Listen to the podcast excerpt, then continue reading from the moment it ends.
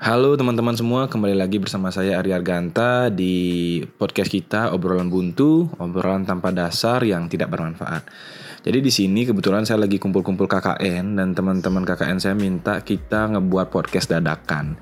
Jadi episode kali ini adalah episode yang tidak direncanakan sedikit pun, di mana kita, saya bersama teman-teman KKN akan membahas tentang bagaimana pandangan kami semua terhadap minuman alkohol dan perilaku-perilaku masyarakat perasaan mengkonsumsi alkohol seperti minum dan mabuk. Nah, mungkin langsung saja nanti podcast ini akan dibajak oleh host dua host saya yaitu Andre dan juga Fikar.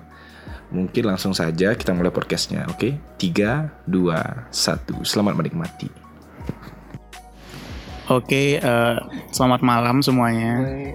Ya, mungkin kalau yang dengar eh, pagi-pagi ya selamat pagi, selamat siang. langsungin Oke, jadi kok formal aja? Nggak perlu kok. Ya kita ini kan podcast untuk anak muda jadi kita nggak perlu terlalu formal gitu loh. Oh gitu. bapak apa dan podcastnya? Apa namanya podcastnya? Obrolan buntu. Obrolan buntu. Ya emang ngomong pakai dasar sih gitu sih konsepnya apa nih ngomongin? Ya kita di sini kan tumben lah berkumpul sama teman-teman KKN jadi ya. sekalian kenapa nggak sekalian pas kita ngumpul tuh kita bikin podcast gitu. Jadi jadi viral tuh. Coba viral. ya kan? Ya di sini kan kita mau ngebahas ah, kayak kebiasaan di masyarakat yang sedang terjadi untuk saat ini tuh ya dengan merayakan tapi nggak sih saat ini Iya. udah lama. Ya udah Lama, sih ya. ya yang berubah cuman kualitas dari minumannya Iya, aja gitu loh. Ciki kok diam Ciki? yang dulunya dulu. yang dulunya menggunakan minuman lokal sekarang ya udah Tradisional. ya Udah lokal nih. sekarang kita udah menggunakan minuman lokal yang udah berevolusi lah. Jadi sudah ada standar internasional. standarnya gitu loh. Jadi apa yang mau dibahas nih ya jadi yang yang kita mau bahas tuh kan gini apa namanya kalau misalnya di masyarakat sendiri kan ya masyarakat selalu mempunyai pandangan kalau misalnya orang yang suka minum-minum tuh terutama minum alkohol kalau minum air kan biasa yang suka minum-minum alkohol tuh itu tuh adalah orang-orang yang negatif atau berperilaku yang buruk gitu. Kalau menurut kalian tuh gimana pandangan kalian soal itu gitu. Itu kan yang paling umum tuh yang paling umum. Coba. dari sisi dokter Dari segi dari sisi dokter mungkin ya. Waduh, dokter Kita punya dokter di sini namanya Matthew Sebastian. IG apa, Mat? Matthew Sebastian underscore Ya, at Matthew Sebastian underscore. Gimana Pak Dokter sebenarnya apakah apakah benar alkohol tuh secara negatif tuh terhadap badan kan dari, dari sisi kedokteran gimana negatifnya sebenarnya atau Jadi begini. Jadi kalau secara medis namanya al- alkohol itu akan dimetabolisme menjadi suatu zat yang bernama eh aldehid kalau nggak salah maaf asetaldehid ya ini kan dari sisi Nah, kedokteran ini dari kedokteran. Ya, dari sisi Ini- kedokteran ya, ya. Nah, ketika dia udah metabolisme kayak gitu, efeknya bisa ke mana-mana. Ya, terutama kalau misalnya ke liver, bisa juga ke jantung, ke usus. Nah, jadi sebenarnya itu kalau secara segi kesehatan itu kurang baik ya kalau namanya alkohol. Tapi kita juga mesti ngerti kenapa orang tuh mengonsumsi alkohol. Kadang-kadang itu sebagai namanya coping mechanism. Kalau misalnya dia stres, dia akan mencari eh, jalan untuk menghilangkan stres tersebut. boleh aku potong Gimana? apa bedanya alkohol yang dipakai luka atau sama alkohol yang kadar nah di sini di sini yang mau yang di sini yang memotong Dari bicara itu pandang dari ya dari, dari anak sastra, ya. Kenalin siapa namanya? Dulu orang sastra. Kan bilang sastra. Ya, malu. Ya, Siapa namanya? Siapa namanya siapa? dikat dikat. Dengan siapa? Eh, nama nggak boleh ya? Ya. Ed Mondial Company Ya. Waduh ya, Ed Mondial ya, Pak Mondial ya. cari ownernya siapa sama aja bang Dari jauh dari Ih. pertanyaannya Pernyataan. Pernyataan. eh, apa bedanya alkohol yang dipakai di kesehatan yang pakai luka itu sama alkohol yang minuman Hmm, sebenarnya sih yang pasti itu ada perbedaan kandungannya terlebih dahulu konsentrasinya. Kalau biasa yang dipakai di alkohol yang buat luka itu biasa konsentrasinya itu agak berbeda. Yang biasa kita konsumsikan ada yang variasi dari yang 5% sampai yang 40%. Kalau misalnya kita minuman yang minuman keras gitu. Oh, ber- waktunya ada aku dengar temenku nyampur air sama alkohol yang memang Hmm. orang Jawa bukan diskriminasi orang Jawa ya. Orang Jawa. Jawa. Nggak ada orang nggak ada orang Jawa di sini bro. Kamu orang mana mas? Saya orang ayo. West. dicampur air sama alkohol yang aman di diambil di apotek hmm. tapi besoknya aman-aman aja. Aman soalnya kan itu namanya udah diencerin kalau kayak itu konsentrasinya sudah tidak merah sudah tidak toksik dia. lagi. Ya. Di sini penelitianku tentang bioetanol. Jadi bioetanol itu pengembangan dari alkohol yang berbahan dasar dari eh, organik. Ya, dari tanaman gitu. Itu disebut bioetanol. Nah, alkohol ini caranya dia untuk menurunkan kadar alkoholnya tuh dicampurin dengan air. Udah berkurang dia kadar alkoholnya. Nah, itu. Nah, itu berarti semakin banyak dia dicampur air, semakin turun kadar alkoholnya. Gitu loh. Iya jelas. Soalnya alkohol itu hasil dari penguapan dari eh gini fermentasi dari gula. Nah itu dia semakin banyak dicampur air semakin turun alkohol kadar alkohol gitu. Maka dia baik-baik aja temennya. nah itu dah Kalau dia mau berharap temennya mati, ya langsung aja minum kadar alkohol dari apotek gitu loh. kalau dia berharap temannya mati campurin cyanida sekali Ya, itu Kurang bro. dokter aja nyuruh mati. Beton dalam lewat. ya, baik banget dong enggak jadi intinya gitu jadi kalau misalnya menurut saya kan ini kan balik lagi ke topik kalau misalnya stigma tentang alkohol nah kita mesti ngerti dulu nih kenapa nih orang nih minum alkohol tuh in the first place tuh kenapa sih? Gara-gara dia punya stres yang terpendam dan dia cara, dan dia nggak tahu cara coping mekanismenya gimana dia pasti udah cobain kayak hiburan-hiburan lain nggak kerja makanya dia lari ke alkohol. Itu kalau dari opini saya dan dari segi medis sedikit. Ya mungkin kepada pertanyaan pertanyaan dari aku, apa dokter tuh perlu alkohol juga untuk menenangkan diri itu? Moto moto fakta yang menarik ya Oh ini fakta nih fakta boleh boleh. New fact. Em, ini aku pernah baca penelitian dari eh, spesialis anestesi. Anestesi kalau pakai bius biasanya kan dia kan buat ngilangin nyeri. Itu kan salah satunya opioid, morfin, dulunya narkoba. Mereka pakai itu buat mereka udah terpapar setiap hari sama kayak gitu. Tapi mereka tekanan kerja dari em, anestesi kalian harus ngerti dulu itu kencang kencang banget. Dia masih eh, bangun terus kayak hampir 24 jam standby karena operasi itu banyak banget gitu. Mereka juga kadang-kadang ada tekanan batin kayak gitu. Mereka kadang-kadang ada juga gara-gara stres itu mereka pakai obat-obat terse obat-obat tersebut sendiri gitu. Jadi ya baik lagi dokter tuh juga manusia. Jadi kalau mereka mau copy mekanisme kadang-kadang nggak baik ya itu balik ke mereka sendiri. Masa dokter sampai pakai morfin juga? bisa bisa ada penelitiannya kayak gitu apalagi kalau yang Ada gampang mas- aksesnya alkohol malah kan mereka lebih gampang aksesnya karena mereka dokter mereka bisa justifikasi dengan cara mereka pakai oh ini buat pasien Oh, buat gitu dia berarti dia berarti udah tahu tuh kadar alkohol eh kadar morfin yang udah yang maksudnya yang aman untuk dia sendiri dirinya sendiri tuh. Bisa jadi, tapi ini aku waktu cuma baca jurnal, se- sempet baca jurnal iseng juga ya. Yang pasti itu ya per, adalah kasus kayak gitu walaupun jarang. Gak semuanya, nggak semuanya kayak gitu. Tapi ada dokter juga manusia gitu. Mungkin dari sudut pandang lain. Nah, sekarang dari dari sudut teknik. pandang non Dari teknik sipil lah. ya, Dari dari sipil ya, non non gini ya, non, Non- alkoholik. non- Ya, non yang dibawain minum, alkohol yang dibawain minuman pas sidang tapi gak diminum. yang dibawain minuman pas sidang tapi minumannya dikasih orang lain. ya mungkin dari tidak usah sebut namanya. namanya Rondin Inisial inisialnya Gus. Misalnya dia orang Arab itu. ya saudara Arab. Eh, pandanganku tentang minum itu sebenarnya nggak negatif sih cuma gimana kita nempatin kebiasaan kita. Mungkin teman-teman juga yang minum sudah terbiasa mungkin dari lingkungan juga minum tuh. Tapi emang dari segi kesehatan kan emang nggak baik. Tapi dari kalau dari segi kebiasaan nggak masalah sih menurutku cuma karena aku emang di lingkunganku nggak biasa aku juga sebagai perantau dari lama Ah, nangis. Enggak nangis jadi emang karena nggak terbiasa ya sih. Tapi kan misalnya orang nih. Kenapa kenapa nggak bikin hal yang nggak biasa tuh jadi biasa itu? karena Penguji nih. udah tak bilang tadi. Dosen dosen penguji. nggak karena tak bilang tadi kan efeknya juga nggak ada yang positifnya selagi kita masih bisa mungkin orang eh, dari pihak-pihak yang lain bilang positif itu kan ngumpulnya. Selagi kita bisa ngambil positifnya aja tanpa mengambil negatifnya kenapa enggak loh? Kita kumpul ikut kita diskusi ikut tapi kita minumnya nggak ikut kan lebih positif lagi. Itu sih pandangan Perbedaan negatif positif itu tergantung Ya, perseptif. perspektif. Perspektif. Nggak ada. Baik dan buruk. Yang ada kita sudut pandang. Iya. mondial perspektif. Terus berarti konsisten nih nggak minum gitu?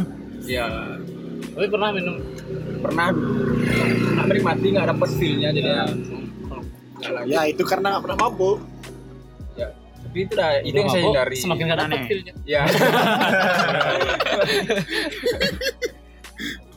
dari hukum Dari hukum lah. Ada gimana? pasal- Oh ya dari Iya, sisi ada hukum ya. pasal- Oke menarik menarik regulasi. Dari sisi hukum tuh gimana sih? alkohol, Dari sisi hukum tuh cukai, regulasi ya. Boleh boleh. Alkohol dari hukum, segi Hashtag hukum kayak gimana? Yoga, has, eh, apa?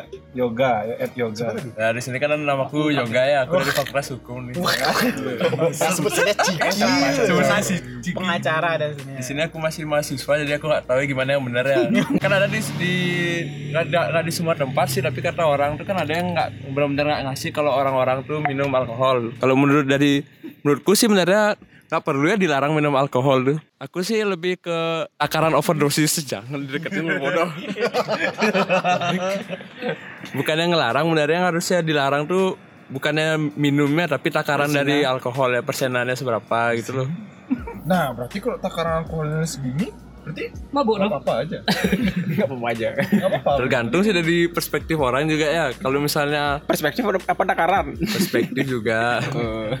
Kalau kalau mau nyari nilai baik atau jahatnya sih bisa dilihat dari kayak kalau misalnya sebagian orang ada yang mabuk terus dia bunuh, ada yang perkosa orang. Tapi kan ada sebagian yang mabuk Sebut nama dong. sebut nama.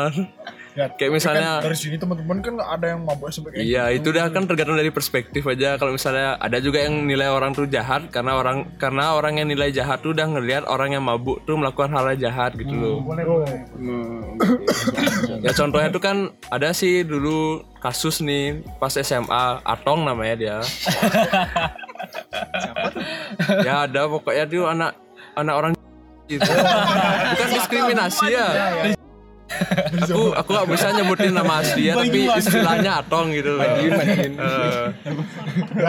jadi dia tuh dulu tuh dia tuh dia kan stres gitu diputusin diputusin pacarnya. Dia tuh jadi dia minum benar-benar mabuk mabuk. Akhirnya dia perkosa. Yang dia perkosa tuh temannya Wahidi namanya. Dikira waktu dia mabuk tuh dia dia mikirnya tuh itu tuh cewek. Ternyata ternyata itu tuh cowok dia tuh. Kumisnya kepanjangan ya kayak rambut. itu kasusnya di blow up nggak? di blow up. Di blow up sampai ditoin sampai di ditoin di di TV gitu loh. aduh merinding itu sih itu sih kasusnya tertutup ya soalnya kan tuh harga diri orang yang dipakai itu loh jadi tertutup dia Emang brengsek emang atong. kasusnya tuh nggak dipublikasikan nggak diumum tapi lebih ke privat komatir sekarang iya kalau aku jadi orang tuh mesti udah harus dihukum mati yang ini perkosa Itu kok Wahidi itu goblok kali ya? tapi wah dia emang dia tuh dia bilang tuh dia nafsuan juga soalnya Kok dia nggak menghindar gitu loh? iya dia nggak menghindar itu aneh Terima-terima aja aja tuh. Terima-terima aja. Wah goblok emang Wahidi itu. Wahidi, Wahidi. Kalau dari perspektif itu yang lewat Wahidi sama Atong. Kok dia mau aja diperkosa sama atong? mungkin coba tanya dari perspektif dokter kan ada yang itu. Ya, Ya itu. Udah kelainan mental. mental ya. Itu aja pendapat dari Iya pendapat dari hukum sih nggak banyak. Soalnya kan aku juga belum ini ya belum banyak tahu.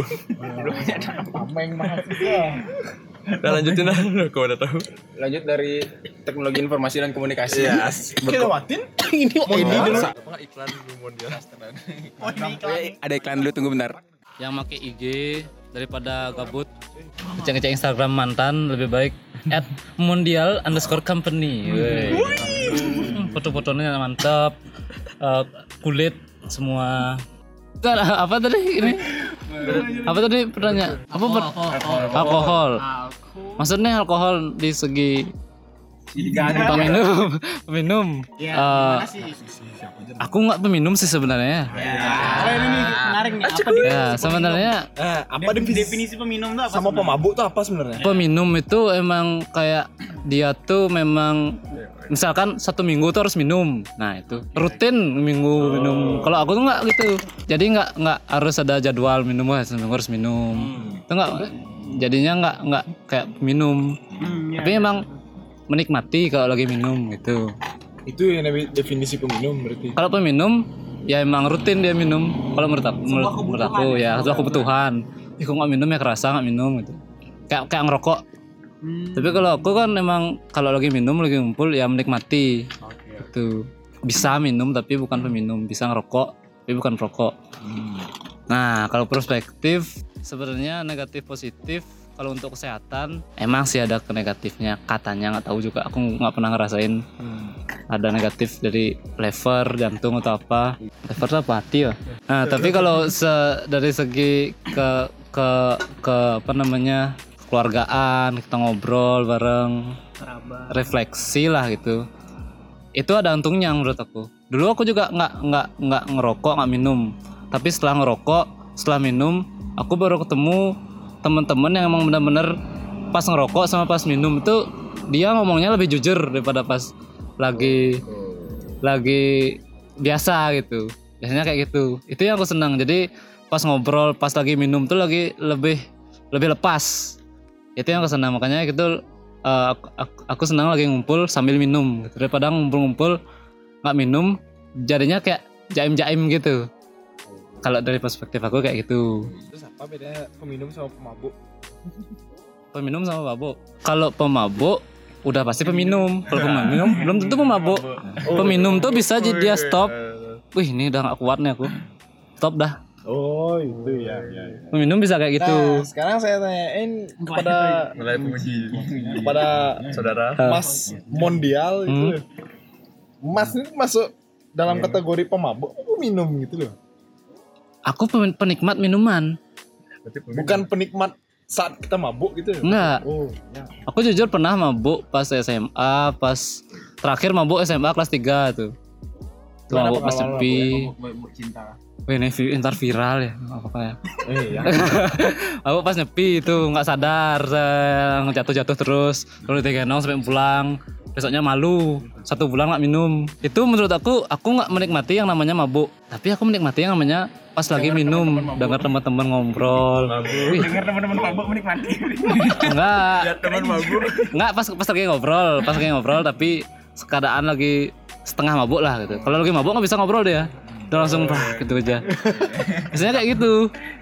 Makanya kalau lagi ngobrol tuh suka aku kalau sama sambil sambil minum kalau mabuk jujur nggak pernah menikmati yang namanya mabuk aku pernah mabuk dua kali dua atau tiga kali. Tapi benar-benar besoknya ngerasa nggak enak sama teman-teman gitu loh. Tapi kalau penikmat minum ya aku kadang-kadang kalau minum sama teman-teman itu menikmati lah gitu. Ngobrolnya lebih lepas gitu. Nggak ada yang ditutup-tutupi biasanya kayak gitu. Itu sih. Kalian menemukan nik- nikmatnya dari minuman bu- bukan dari keadaan bukan dari lingkungan tapi nikmat minumannya tuh kalian nemu? Tergantung. Nggak kalau dari kamu sendiri asik tergantung. Itu kan tergantung jenis minuman. ya tergantung jenis minumannya. Tapi minumannya. tapi kadang kalau memang udah udah up apa apa pun minumannya bisa diterima. Nggak misalnya suka nggak? Enak nggak rasanya? Ya kalau pas mulai Kan minum. tergantung jenis minumannya. pas baru mulai minum nih pas Captain Morgan. ya nyebut merek nih Aku biar biar aku bocor Oh, sih. apa apa Kapten Kapten Morgan aku aku bisa menikmati Kapten Morgan. bir tuh bisa. Ya, enggak ini maks- Enak. menurutku ini kualitas whisky lokal yang enak memang gitu. Hmm. dibandingkan whisky lokal yang lain gitu. enak tuh dalam dalam kapasitas minuman beralkohol menurutku enak. Kalau kapasitasnya nih kayak minuman eh, Pokari itu enggak beda lagi.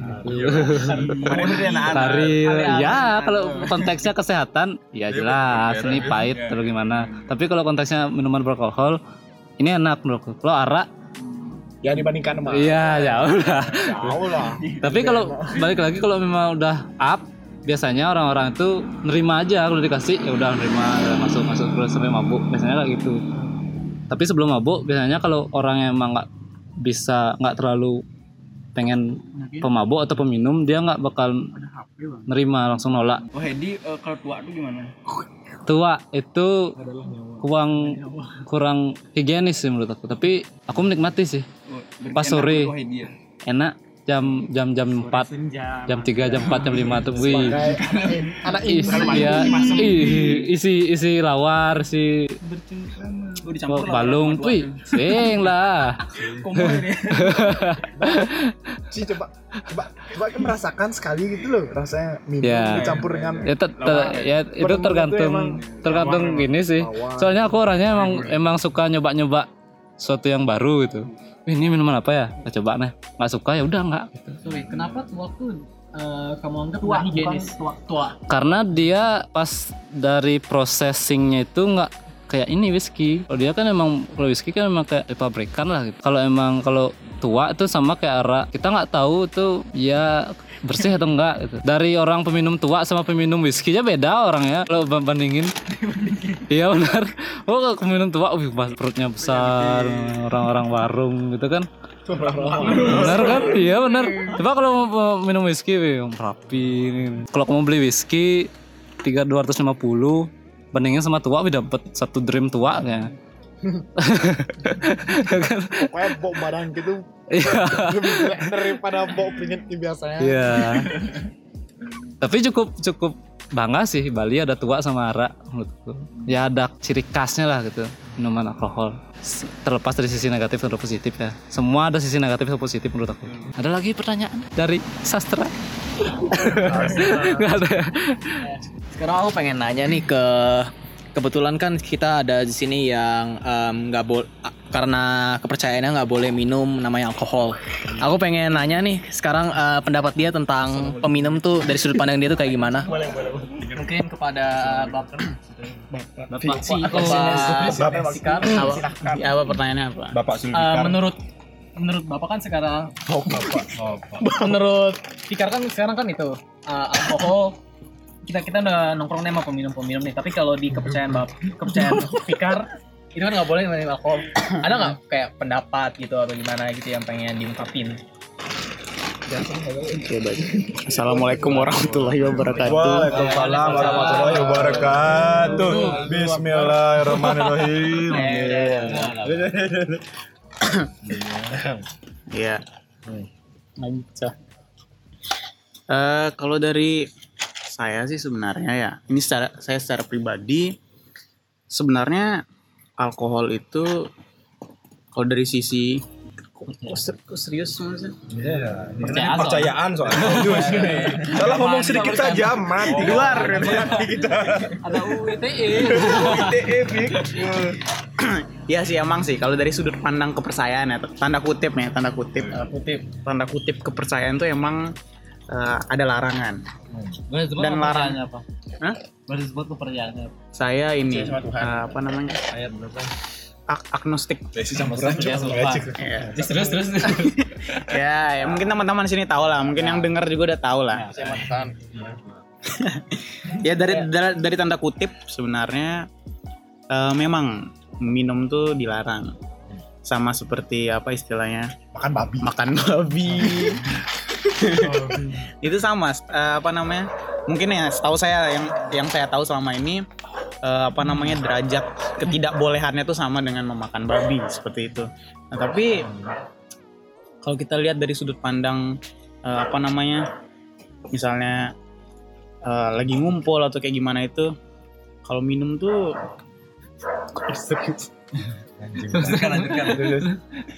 ntar nyambung ke agama Kalau dari saya sendiri sih, jujur secara pribadi eh, ngumpul bareng terus ada teman-teman yang minum itu asik banget karena eh, gimana ya bisa walaupun ngobrol. kita sendiri nggak minum. Walaupun gini, walaupun saya sendiri nggak minum, justru sangat gimana ya, senang banget ngumpul sama teman-teman yang memang minum karena ngobrol obrolnya tuh asik banget gitu. Nyampe lepas, nggak jaim. Eh, apa namanya? Walaupun ngobrolannya tuh mungkin ada beberapa orang yang sebenarnya itu harusnya menyinggung, tapi justru itu masuk tanpa ada perasaan Ketersinggungan. ketersinggungan benar sekali. Oh. Nah, justru lebih asik menurut saya. Nah, terlepas dari ketidakbolehan itu, memang sih mungkin di luar sana banyak yang apa namanya eh, minum tapi apa ya apa makan babi tapi nggak minum. Eh gimana sih? Aus. Minum tapi nggak makan babi. minum tapi nggak makan babi. Ya mungkin dari sudut pandang mereka oh kan alkohol kan nggak nggak maksudnya ada gini lah ada manfaatnya gitu. Jadi nggak apa-apa ya ya nggak apa-apa. Aku mau nanya bentar. oke boleh boleh boleh. Apa namanya? Interupsi, interupsi. eh, itu alkohol sama maksiat. Eh itu mana lebih dosa? eh Dari maksiat lah hal dari ini kan sisi pacaran ya dari agama. kan kalau misalkan dari kepercayaan Mas Fikar di sini kalau misalkan jabat tangan aja kan kayak gini Iya. pegangan itu Oke. lebih lebih tinggi mana sih lebih keras mana sih Nah. daripada alkohol semua pure. Eh, sebenarnya sih jujur ya jujur ya saya sebenarnya nggak tahu secara spesifik nah, gimana sih kadar-kadar tinggi rendahnya sebuah eh, Sebenarnya sebuah dosa. sebuah dosa mungkin gitu ya kalau omongannya. Tetapi kalau menurut saya sih eh, dan misalnya sal apa namanya salaman ya saliman salaman. Salaman nggak bersentuhan tuh sebenarnya nggak semua. Ada Nggak juga semua, beberapa iya, nggak semua bener-bener nggak semua. Ada kok beberapa yang emang seharusnya ini sebenarnya gini ini kembali lagi ke orangnya ke pribadinya Ya. Seberapa eh, dalam sih mereka menanggapi itu. Seberapa seberapa dalam mereka apa namanya eh, ma- apa kepercayaan itu masuk ke dalam diri Soalnya, mereka soalnya gitu. nih nggak gibah ya tuh gini iya iya. Soalnya aku punya dulu temen iya iya. tuh awalnya dia jilbab iya oke. nggak boleh salam Hmm, tiba-tiba sekarang ngedance Iya, sininya kelihatan itu pus- pusarnya kelihatan. Tapi dia ngedance tuh dengan pakai jilbab gitu. nggak dulu, dulu dia pakai jilbab sekarang udah berubah langsung Kayak jilbab. Ya, bisa gitu gitu Iya sih. tapi aku punya teman dia pakai jilbab, beli bir dia. udah hilang alkohol oh iya Beli iya, bir iya. ya, iya. Siapa nitip bir nih? Aku, aku. tahu kan ada loh. ya harus eksplisit nih podcastnya nih namanya ini gitu ya susah sih emang kalau ngomongin kepercayaan tuh emang iya sih saya juga nggak berani ngomong Iya, macam-macam karena betul. jujur saya nggak dalam juga Iya, sama. saya hanya men- menjalani yang eh, Ya. normalnya dilakukan oleh Iya. orang dasar juga sama soalnya Nggak, saya nggak dalam gitu. jujur nih jujur ya tapi ya sholat sih ya sholat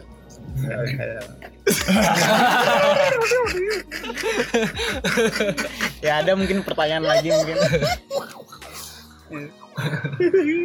kepada kalau misalnya ada organisasi yang mungkin kurang suka sama podcast ini tolong maklumi kami. Itu saja. Kami tidak sadar sebenarnya ngomong.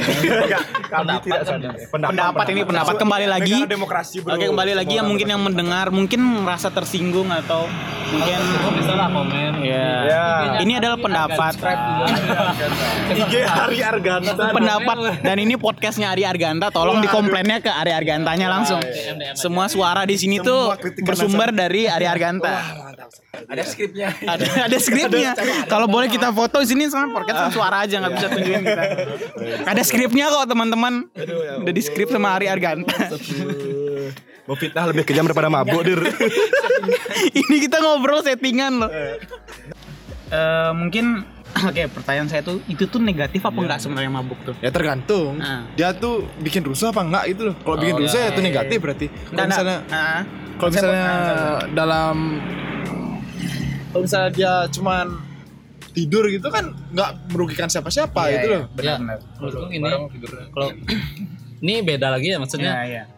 Kayak, eh, kamu melakukan sesuatu yang penting nggak ngerugiin so Hmm. siapa pun nggak ngerugiin orang lain itu masih bisa yang penting nggak ganggu orang Oke. lain nggak ngerugiin orang lain kayak ngerugiin diri sendiri udah nggak apa-apa gitu loh. Mabuknya berarti mabuk normal gitu loh. Iya. Bukan mabuk merugikan orang gitu loh. Ah, Oke, sip. Eh, pertanyaan saya juga tuh maksudnya apakah dalam kita minum misalnya teman-teman yang minum titik mabuk tuh bagi teman-teman tuh adalah titik yang negatif apa justru oh, Oh, ini titik puncak nih asik nih gitu Titik titik maksimal tuh kan kita yang sendiri yang ngerasain Ya, yang minum oke. gitu loh. Hah? Misalnya kalau kita udah ngerasa ini emang udah nggak kuat kita minum udah pusing, udah pusing benar-benar Oh. pusing, kita udah nggak kuat untuk dalam minuman gitu loh. Hmm. Ada di saat kita minum minuman tuh udah emang emang tubuh kita emang sendiri nolak minuman itu loh masuk loh. Oke, oke. Ya, itu emang itu emang berarti dah di titik maksimal ki emang Ya. Iya, iya. menerima minumannya itu loh. tapi tapi ada kalau juga kalau emang orang lagi mental illness atau depresi lah Iya. dia nerima-nerima aja malah dia pengen mabuk. Oh. pengen muntah. Ya pengen lepas lepas gitu loh. Ada yang kayak gitu. Iya sih. Benar-benar. biasanya tenang dia gitu. Ada yang kayak gitu tapi ada yang yang, yang kontrol. Biasanya orang anak-anak yang baru-baru SMP atau SMA lah dia pengen ngerasain gimana sih rasanya mabuk. Oke, penasaran. Iya kan Iya. rasa pengen tahu tuh lebih lebih besar orang kayak aku mau interupsi juga dikit. Ini tadi semuanya Wahedi yang bilang habis mabuk tuh pagi kan bisa tenang tapi aku dengar bertolak belakang sama lagunya Last Child yang dari depresiku tahu nggak? Oh, iya. Mana, yang mana? Iya kan? yang eh, Tenang dia tuh. sisa mabuk semalam tapi dia intinya nama menyesal di pagi hari. Gitu. Ya kan bener kan? ya? tenang tenang tuh dalam artian eh istilahnya refresh lah Udah memikirkan yang lain lah ya, refresh tuh lah lupa gitu. ya refresh lah bentar gitu loh biar nggak mumet kali terus main refresh bentar ya walaupun lagi lah. Paginya lagi. gitu loh maksudnya lagi lah kayak gitu. Ya dari segi tubuh saya emang lebih lebih lebih gini sih. Emang lebih lemah sih.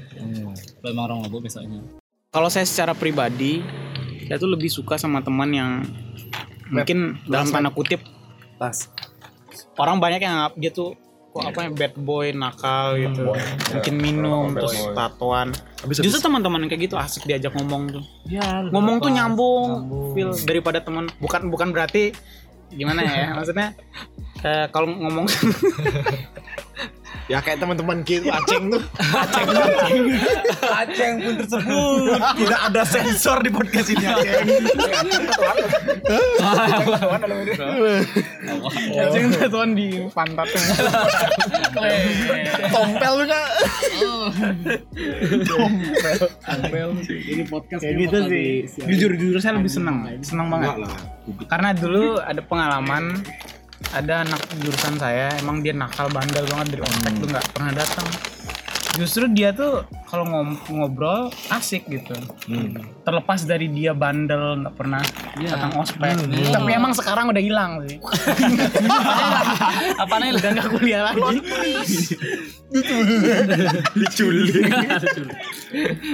Iya. tapi biasanya orang-orang kayak gitu lebih bodoh amat lah. Iya makanya. Mak Manson dia anak buahnya Mak Manson. biasanya kayak gitu. Lebih ya udahlah. Nggak, tapi saranku juga eh, aku udah banyak juga eh, ngalamin sama denger cerita dari temen. Kalau kalau kalian mau mabuk tuh perhatikan kalian lihat situasi perhatikan kalian mabuk sama siapa. Kalau orangnya emang akrab sama kalian baik sama kalian nggak masalah. Apalagi terutama buat cewek aku juga punya teman cewek nih ya nyeselnya bukan main sampai sekarang. Gara-gara dia habis diajak keluar emang dia kenal sama orang ber- cuma dalam jangka waktu beberapa saat dia nggak lama dia kenal orang. Tapi udah diajak keluar ke ya ke klub lah gitu kurang Dia mau habis itu dia mabuk. Mungkin dia emang sifatnya dia karakternya dia emang mungkin sedikit nakal agak nafsuan atau segala macam tapi nggak masalah. itu nggak masalah cuma di Boleh saat tuh. di saat kita mabuk nggak- Boleh dicoba. tapi di saat kita mabuk kita nggak bisa ngontrol apa yang bakal kita lakuin itu maksudnya takutnya dengan ketidaksadaran kalian tuh kalian dimanfaatkan ntar makanya penting bagi kalian juga kalau mau mabuk kayak itu perhatikan lingkungan kalian juga Akhirnya ceweknya dia, ceweknya dia pengen. Nggak perawan lagi dia nyesel sampai sekarang ya Berarti dia perawan kan. dari orang yang nggak dia sayangin. Waduh pak. Iya, tidak makanya. Enggak, kalau dibilang kosa enggak sih, enggak enggak juga karena emang Tapi dalam dia kondisi mau mabuk. Tapi dia Iya. mau juga. Dalam kondisi mabuk enggak sadar berarti dia. Siapa yang nggak sadar ceweknya? Iya, cowok-cowok juga misalnya agak-agak lah. Kan biasa kalau cowok bisa lebih kuat daripada minum kan. Nah, aku ada pengalaman. Nggak perawan. Ya, pengalaman diriku sendiri lah. Apa nggak perawat lagi kamu? Gimana gimana saya aku mabuk itu loh. Nah, tidak ada yang itu yang lewat tengah. Apa yang aku rasain pas mabuk tuh loh. Nah, aku ngerasain pas mabuk. Aku pernah nih. Ya, pas SMA lah ya masa-masa pas kita emang pingin tahu segalanya lah. masa gitu bisa sih gitu kurang jauh kamu kamu kurang jauh kamu Ancol lu. ya ini kan pengalaman pribadi lah. Jadi kan pernah waktu SMA ini aku emang nyawa film sama teman-temanku sekelas lah. Nyawa film head on head on Ya. yang aku rasain tuh emang ya kita emang nyawa dari nah ya ya, Kucing di studio gue. Wahidi jangan.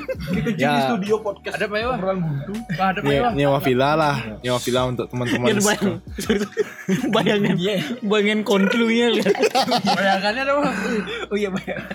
Jadi kan aku ngerasain lah gimana apa yang aku rasain pas minum sama teman-teman mas kelas emang full emang semua dilepasin pas ke villa tuh karena kita emang tidur di sana itu Iya, loh, tanpa oke. mikirin kita harus pulang gitu loh. Ya siap. Jadi kan nyewa villa. Ceritanya nih eh ya kita beli minuman lah. Banyak emang beli minuman. Situasinya tuh pas awal-awal minum tuh emang terkendali gitu loh. Hmm.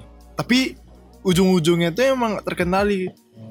Di saat kita minum tapi minumannya habis ya otomatis kita beli lagi gitu. Iya. Nah, di saat itulah aku yang beli lagi sama temanku berdua nih. Kondisi di luar tuh lagi hujan. Oke. Nah, aku beli minuman nih. Asik. Aku beli minuman nih, aku beli minuman nih. Nah, daerah villa aku nih di Umalas.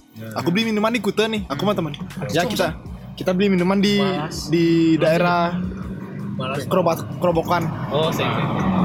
Nah, jadi kita kan ya nggak beli minuman halus yang dulu-dulu ya sampai sekarang ngetren gitu lah. Jadi kita masih dulu masih beli arak itulah, arak Bali itulah. Kita beli. Nah, itu beli kan pas beli ini dalam kondisi hujan. Pas kita beli, aku yang bawa, aku yang bawa motor dalam kondisi aku yang bawa motor nih. Nih, motornya. Pertama, pas berangkat tuh aku hampir nabrak tiang listrik Ya, tanpa sadar Oke. karena hujan gitu loh karena kalau misalnya nggak hujan aku nggak kayak nggak hampir nabrak tiang listrik sampai di eh, tempat aku beli beli arak eh, aku beli arak normal Ses. pas baliknya nih dah pas di baliknya nih ada tikungan. Di ujung tikungan itu ada hotel. Hotelnya tuh kan isi eh, pintu masuk hotel itu ada pelang. Ada pelang pelang portal. Ya portal. Di sana. Portal kombat. di sana aku ngeliat aku buka kacaku ini kan karena hujan aku pakai kaca jadinya. Pakai kaca helm dulu. Nah kondisi aku pakai kaca helm. Terus aku lihat oh portal eh gini nih. oh hotelnya masih jauh nih. Hotelnya masih jauh. Aku tutup lagi nih kaca kaca helmku nih. Aku tutup lagi set lagi beberapa saat tuh langsung aku masuk ke hotel itu. Gak wah aku masuk aku langsung. Itu dalam kondisi untung portalnya itu nggak ketutup. Kebuka tuh portalnya. Langsung lompat aku ke hotel masuk itu. Wah lompatku naik motor tuh sama temanku berdua. Lompatku wah. Banku pecah pokoknya. Lampu lampu depanku masuk. Eh, ini aku bawa motor beat ya? Motor beat pokoknya motor beat yang baru. Nah itu dah. Masuk ke dalam eh, lampu depanku tuh aku nggak tahu tuh pokoknya dalam kondisi aku udah nggak sadar loh pokoknya tapi aku masih eh, gini. Masih bawa bisa bawa motornya nggak jatuh gitu loh. Cuman aku ngeliat "Kre, di mana ya gitu aku mikir. Kre, ternyata di parkiran hotel gitu loh. Aku mikir wah ini udah nggak beres nih Ci. Aku udah langsung bawa motor kan. Setelah aku setengah perjalanan mau menuju villa lagi dekat kan lagi ya setengah kilo lah. Lagi setengah kilo aku nyampe villa kan udah aku ngeliat ban motorku tuh pecah. Temanku tuh suruh jalan. Aku sendiri yang bawa motornya. Set. nah aku minum lagi lagi kan? aku udah bawa arak kan? Aku beli arak di toko yang aku beli itu. Aku udah bawa arak minum aku lagi kan? Minum set.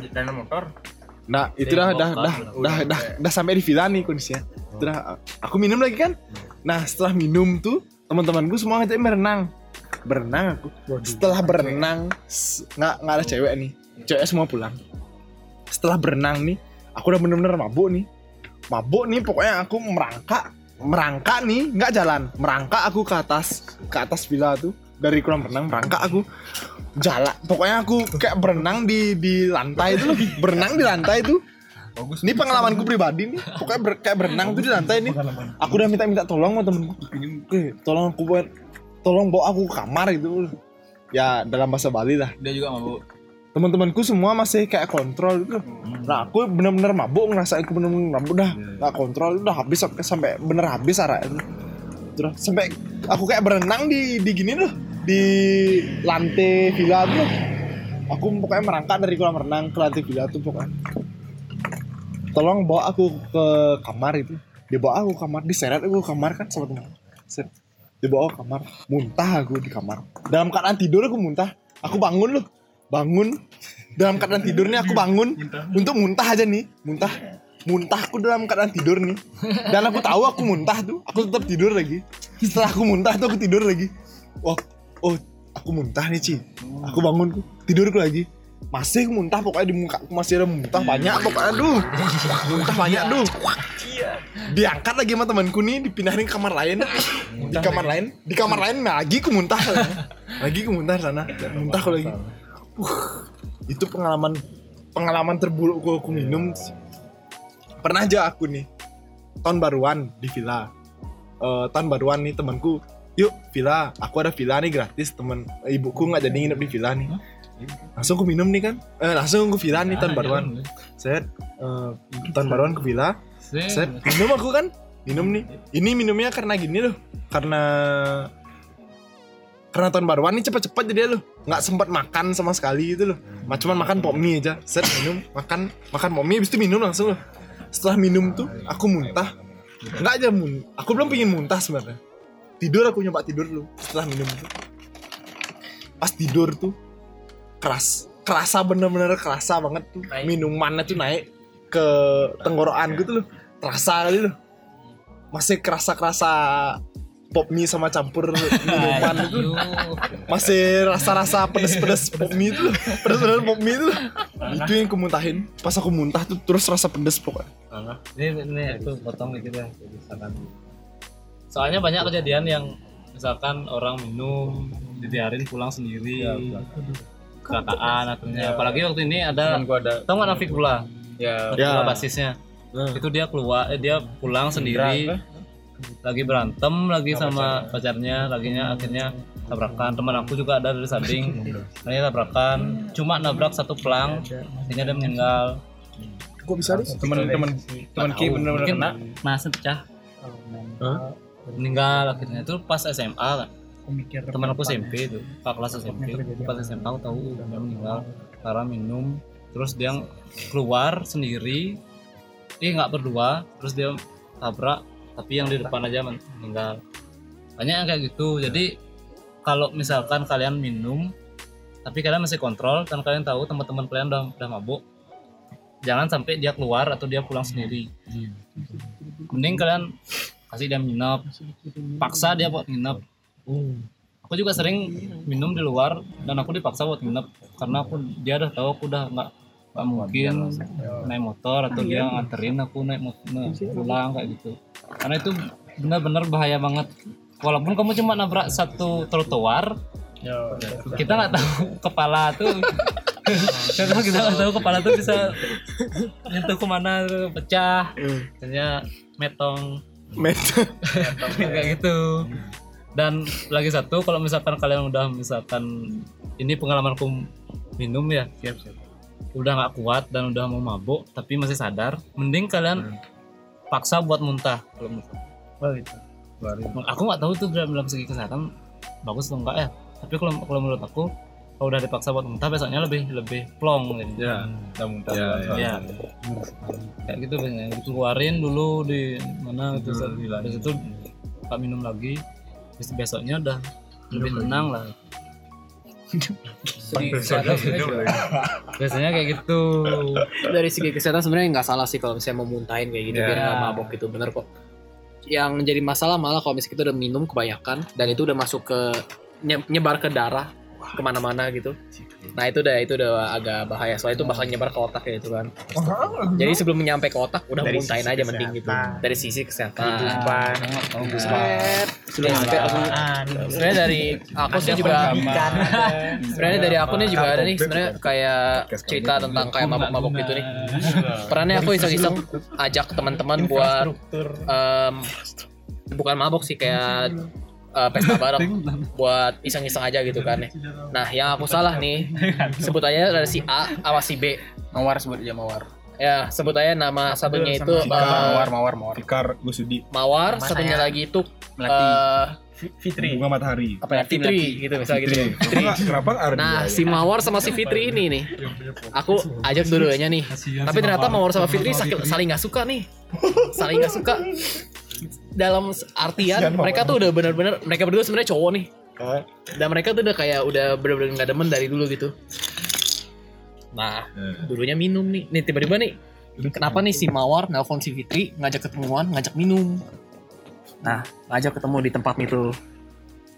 Dugem, dugem bareng ngedance tiba-tiba tapi kayak ngedance kayak gimana gitu kayak gak lancar gitu kayak mereka ada sesuatu gitu yang keganjel gitu. Eh tiba-tiba berantem pukul-pukulan. Pukul-pukulan. Terus mereka tuh jadi minumnya itu nar- eh, alkohol tuh punya efek buat ngilangin rasa sakit itu. Jadi itu tujuan mereka tuh. Dulu ya anak dokteran nih. Mereka tahu nih kayak gini-gini. Jadi mereka udah tahu kayak gitu, mereka pukul-pukulan, jadinya malah berantem deh pas pesta itu. Ya. Masuk akal. Sekarang oke. Eh, obrolan kita udah cukup panjang ya, sudah sekitar hampir dua jam mungkin ya. Ya, sih, hampir tiga, tiga hari ya. Oke, udah cukup panjang, cukup dalam juga dan sensitif dan sangat juga tajam, tajam. Oke, oke. Percaya diri sekali anda. Bisa langsung di share. Jangan lupa visit sponsor kita hari ini GoPrint Indonesia dan juga Mundial internasional Internasional. Jangan lupa telur bulu. dan pasar Dan pasar. No offense ya. Anjing pada udah jelas yes offense anjir. Offense sekali itu cok bukan offense. Yes offense. Oke, mungkin teman-teman ada yang mau nambahin lagi mungkin. Nah, jadi teman-teman sebelum podcast ini berakhir, saya sendiri secara personal ingin memberikan pendapat dan pandangan saya ten- terkait tentang alkohol ini teman-teman. Jadi kalau melihat dari sudut kepercayaan saya ya teman-teman ya, sudut kepercayaan saya, di mana kebetulan kepercayaan saya itu tidak melakukan pelarangan terhadap eh, minum-minuman keras atau alkohol. Jadi bisa dibilang tidak ada mengat- kita eh, saya tidak berdosa lah kalau minum alkohol di kepercayaan saya. Nah, di sini saya mempercayai bahwa eh, poin pokok dalam ajaran agama menurut pandangan saya itu adalah pengendalian diri. Jadi saya mempercayai apa pun itu termasuk minum-minuman keras atau alkohol apabila dalam proses dan hasilnya nanti kita masih bisa mengendalikan diri kita di mana dalam konteks yang saya bicarakan ini adalah minum alkohol dan yang kita kendalikan di sini adalah panca indera selama kita bisa mengendalikan panca indera kita pada saat kita meminum alkohol maka menurut saya itu semua baik-baik saja atau it's fine sah-sah saja tidak dosa menurut sudut pandang kepercayaan saya apalagi jika itu tidak merugikan orang lain. Dan di mana apabila kita itu teman-teman tidak dapat mengendalikan indera kita pada saat kita melakukan kegiatan minum minuman keras atau alkohol ini maka di sana menurut saya di sanalah kita sudah melakukan sebuah dosa. Karena dengan kita tidak dapat mengendalikan diri itu secara tidak langsung kita sebenarnya udah merugikan orang lain. Contoh walaupun merugikan kecil teman repot kita muntah dan segala macam itu sudah meru- tetap merugikan namanya menurut pandangan saya.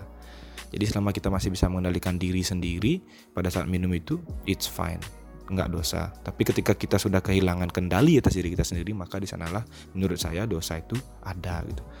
Kenapa saya berpandangan atau percaya dengan hal seperti tersebut? Karena eh, saya berpikir dari sudut pandang kacamata orang yang tidak percaya agama ya teman-teman ya jadi saya di sini melihat eh, fenomena unik di mana saya saya search sendiri sih kalau mungkin salah nanti bisa dikritik langsung ke Instagram saya. Saya melihat agama yang melarang umatnya meminum alkohol itu pada umumnya berkembang atau berasal dari daerah yang memiliki temperatur panas. Di mana kalau misalnya teman-teman konsumsi alkohol di suhu tempat atau suhu yang memiliki temperatur yang panas itu, maka efek yang efek yang diberikan oleh alkohol kepada tubuh itu keras sekali nampak dampak negatifnya teman-teman. Contohnya bisa berupa dehidrasi, gangguan berpikir, halusinasi, kebingungan, gangguan pernafasan, gangguan denyut jantung dan heat stroke. Jadi ini saya dapat info dari dokter sehat sih oleh dokter Andre. Dan di sini saya juga melihat agama yang tidak melarang umatnya meminum alkohol atau tidak mengecap dosa umat-umatnya pada saat minum alkohol itu pada umumnya adalah agama-agama yang berkembang di wilayah memiliki temperatur tidak panas atau bisa kita bilang temperatur dingin di mana alkohol ini sebenarnya memiliki kandungan yang dapat memberikan sensasi kehangatan yang semu itu teman-teman. Semu ya teman-teman ya. Bukan beneran hangat.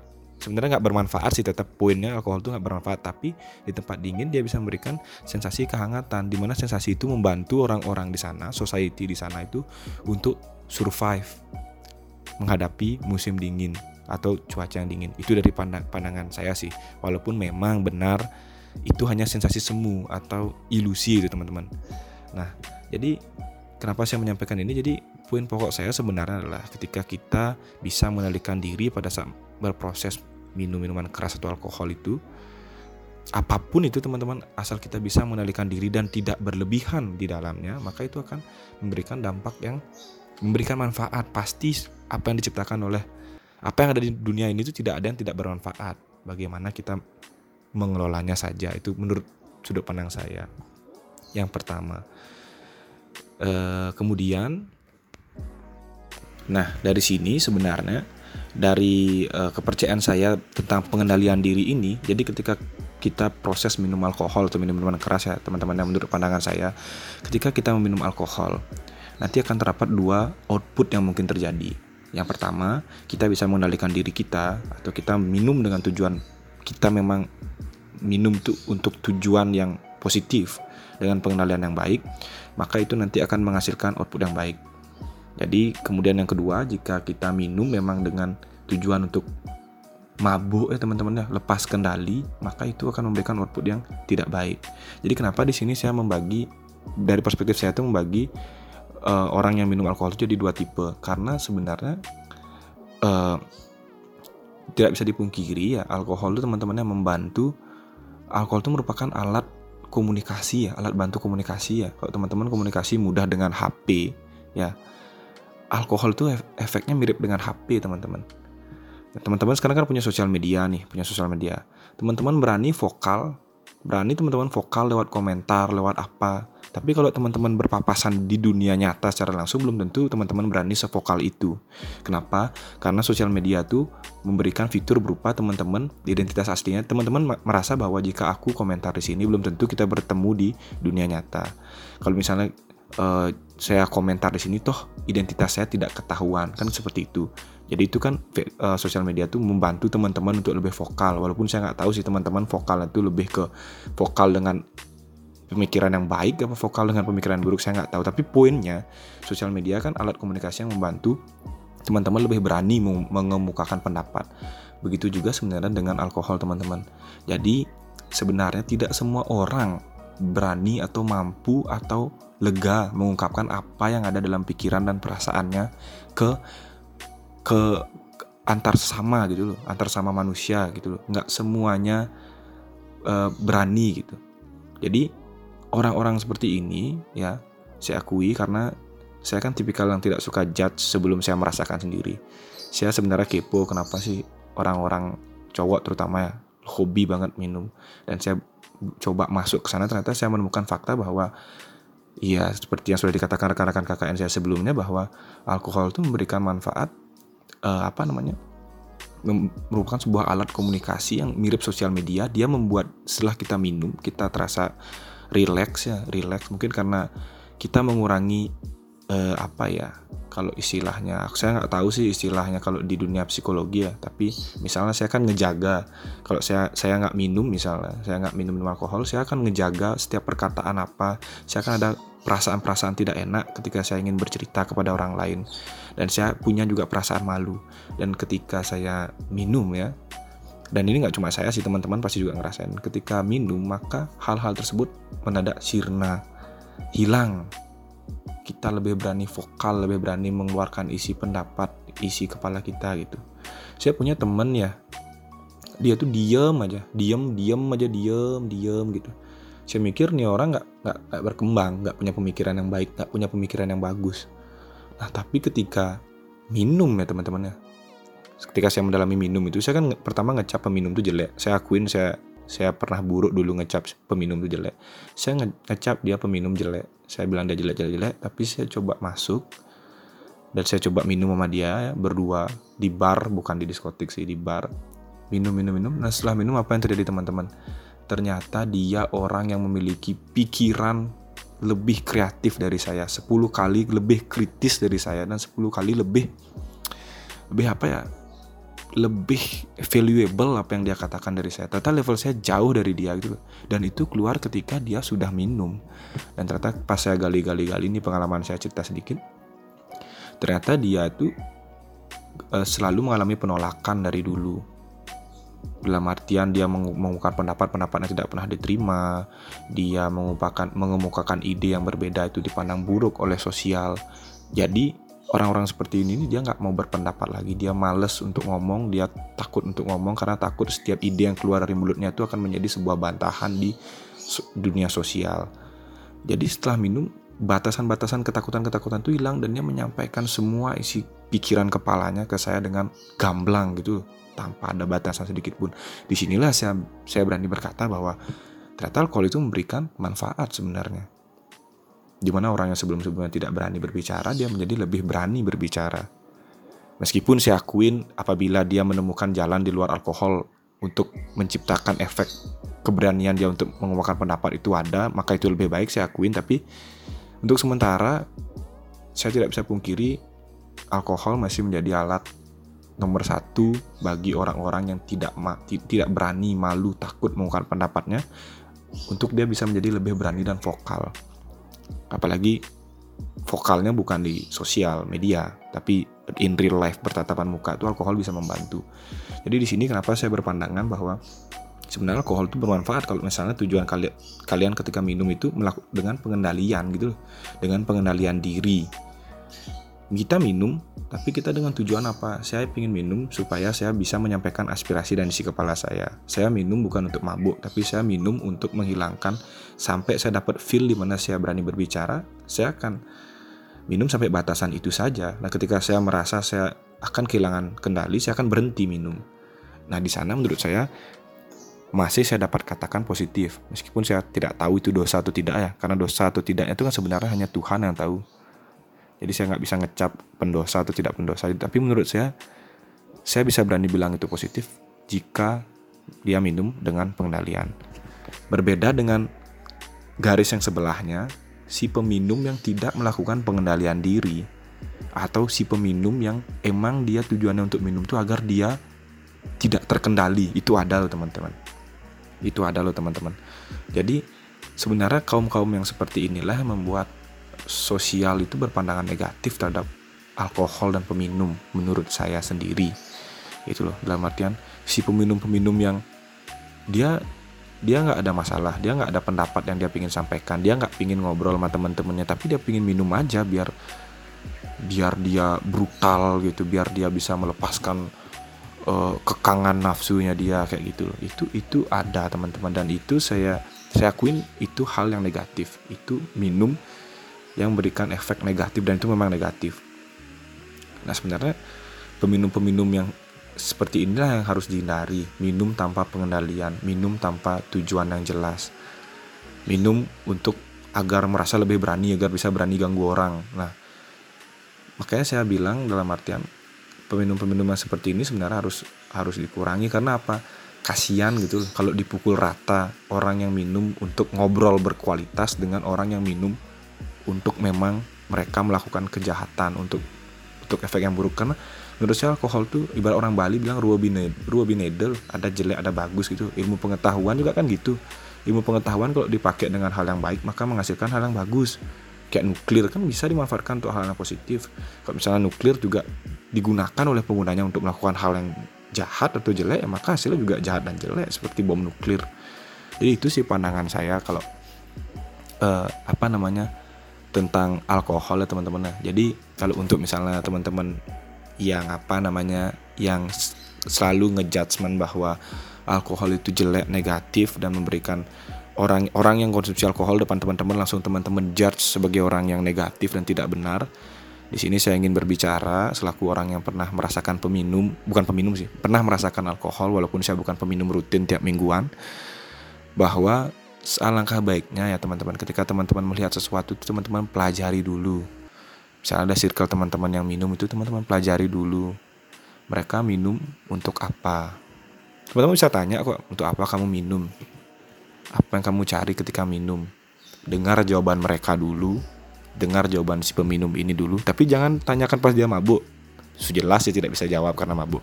Tanyakan ketika dia sadar apa sih sebenarnya tujuanmu minum? Kenapa kamu minum? Manfaat yang diberikan minum untuk kamu itu apa?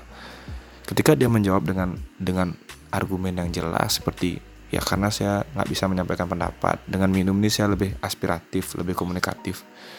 Jika masih alasannya seperti itu minum digunakan untuk mencurahkan aspirasi dan pemikiran agar lebih plong ngomongnya. Ya, bisa dibilang minum untuk sebagai alat diskusi yang berkualitas kenapa tidak gitu? Jangan dijudge mereka negatif gitu loh. Kalau untuk yang memang ya intinya untuk untuk emang yang peminum-peminum yang suka lepas kendali ya silahkan judge mereka sejelek mungkin saya nggak peduli sih. Karena memang itu kadang merugikan kan mereka berbuat kejahatan tidur di jalan cegat orang mukul orang berantem darah itu kan merugikan. Silahkan judge mereka jelek. Tapi untuk sekali lagi saya mohon kepada pendengar-pendengar saya walaupun saya nggak tahu nih ada yang dengerin apa nggak jangan sembarangan menjudge peminum itu dipukul rata sama semua negatif. Itu saran dari saya karena ya mungkin tidak semua orang hidup di tidak semua orang punya latar background di mana mereka itu suaranya selalu didengar teman-teman. Gitu loh saya akuin karena saya ngerasa di tengah-tengahnya gitu. Emang ada kok orang dari lahirnya itu keluarganya support setiap dia menyampaikan pendapat keluarganya selalu menghargai pendapatnya dia. Ketika dia SMP pendapat-pendapatnya itu selalu didengar orang SMA selalu didengar orang. Itu ada orang emang terlahir seperti itu teman-teman. Dan sejelas dia tidak akan bisa merasakan bagaimana rasanya dengan orang yang lahir. Keluarganya jelek. Setiap dia mengemukakan setiap dia mengemukakan pendapat dia dibungkam setiap dia memberikan ide-ide yang menurut dia itu adalah ide yang baik lingkungan misalnya lingkungan sekolah atau mana tidak pernah menghargai ide yang diberikan dari dia. Ide tidak pernah didengar kata-kata tidak pernah didengar. Dan itulah yang akan membentuk orang-orang itu takut untuk berpendapat dan alkohol lah solusinya bagi mereka Nah dan juga ini ada perdebatan ya di sosial tuh ya apakah alkohol menyelesaikan masalah. Nah ini menurut pandangan saya pribadi alkohol itu bukan problem solving. Jadi alkohol tidak dapat menyelesaikan masalah. Kalau sekarang kalian ada masalah habis itu kalian minum alkohol besok ya tetap ada masalahnya. Tapi menurut saya di sini yang penting untuk digarisbawahi juga adalah tidak kita tidak bisa mengelak sebenarnya bahwa alkohol itu merupakan stress relief. Jadi ketika ada suatu masalah ya dan teman-teman merasa itu benar-benar udah di ujung yang super ujung ya terutama cowok-cowok yang nggak pandai bercerita atau meluapkan emosi dan kesedihannya ke orang lain itu ya alkohol bisa menjadi salah satu alat untuk komunikasi dan mengeluarkan semua beban-beban itu melalui komunikasi atau sharing ke teman-teman. Jadi dengan dia minum alkohol, dia berani bercerita, beban di kepalanya berkurang, dia tidur memang besok masalahnya nggak hilang masalahnya nggak selesai. Tapi dia bakal uh, apa namanya emosinya dia itu lebih positif dalam menghadapi masalahnya. Karena beban-beban negatifnya itu sudah dia luapkan ke teman-temannya. Jadi sebenarnya alkohol itu kayak katalisator komunikasi aja sih sebenarnya. Gitu. Jadi uh, lingkungan tetap mempengaruhi hasilnya. Jadi alkohol itu cuma katalisator komunikasi. Itu nggak bisa menyelesaikan masalah, tapi bisa membantu komunikasi dan meluapkan emosi-emosi negatif dalam menghadapi suatu masalah. Itu sih kalau menurut pandangan aku gitu. Jadi soal perspektif aja sih. Jadi ya semoga podcast ini bisa membantu membantu teman-teman untuk memahami bahwa penting untuk mempelajari perspektif orang lain gitu loh. Sebelum melakukan judgement, penting bagi kita untuk tahu gimana sih perspektif dari si peminum. Nah, setelah kita tahu bagaimana perspektif dari peminum, barulah kita bisa melakukan penilaian atau judgement terhadap orang lain gitu. Itu sih, itu sih menurut saya semoga podcast kali ini bisa memberikan gambaran kepada teman-teman lah bahwa uh, putar-putar terus sebenarnya saya ngomong di sana poinnya agar teman-teman bisa melihat dua sudut pandang yang berbeda di dalam satu podcast yang sama ini. Baik, sekian podcast kali ini bersama teman-teman dari Visit Belum Tit ya. Thank you juga teman-teman KKN. Di sini ada yang saya ingat ada Andre Wiratama, sering dipanggil Atong, ada Fikar. Kemudian ada Yoga, terima kasih juga. Kemudian ada Wah Edi dan Gus Yudik juga. Dan juga ada Mikey sebenarnya, tapi dia pendiam. Nah itu sih podcast pada hari ini di episode ketiga tentang alkohol haram atau tidak. Sebenarnya judul itu hanya clickbait biar teman-teman mau ngeklik. Untuk ngeklik karena covernya maaf sama sekali kita nggak ada menyinggung itu halal atau tidak karena itu kepercayaan itu tidak tidak baik untuk disinggung karena setiap orang punya perspektif yang berbeda-beda. Mungkin sekian yang dapat saya sampaikan. Sampai jumpa lagi di minggu berikutnya di next podcast dalam podcast kita yaitu obrolan buntu, obrolan tanpa dasar yang tidak bermanfaat. Saya Ari pamit undur diri. Sampai jumpa.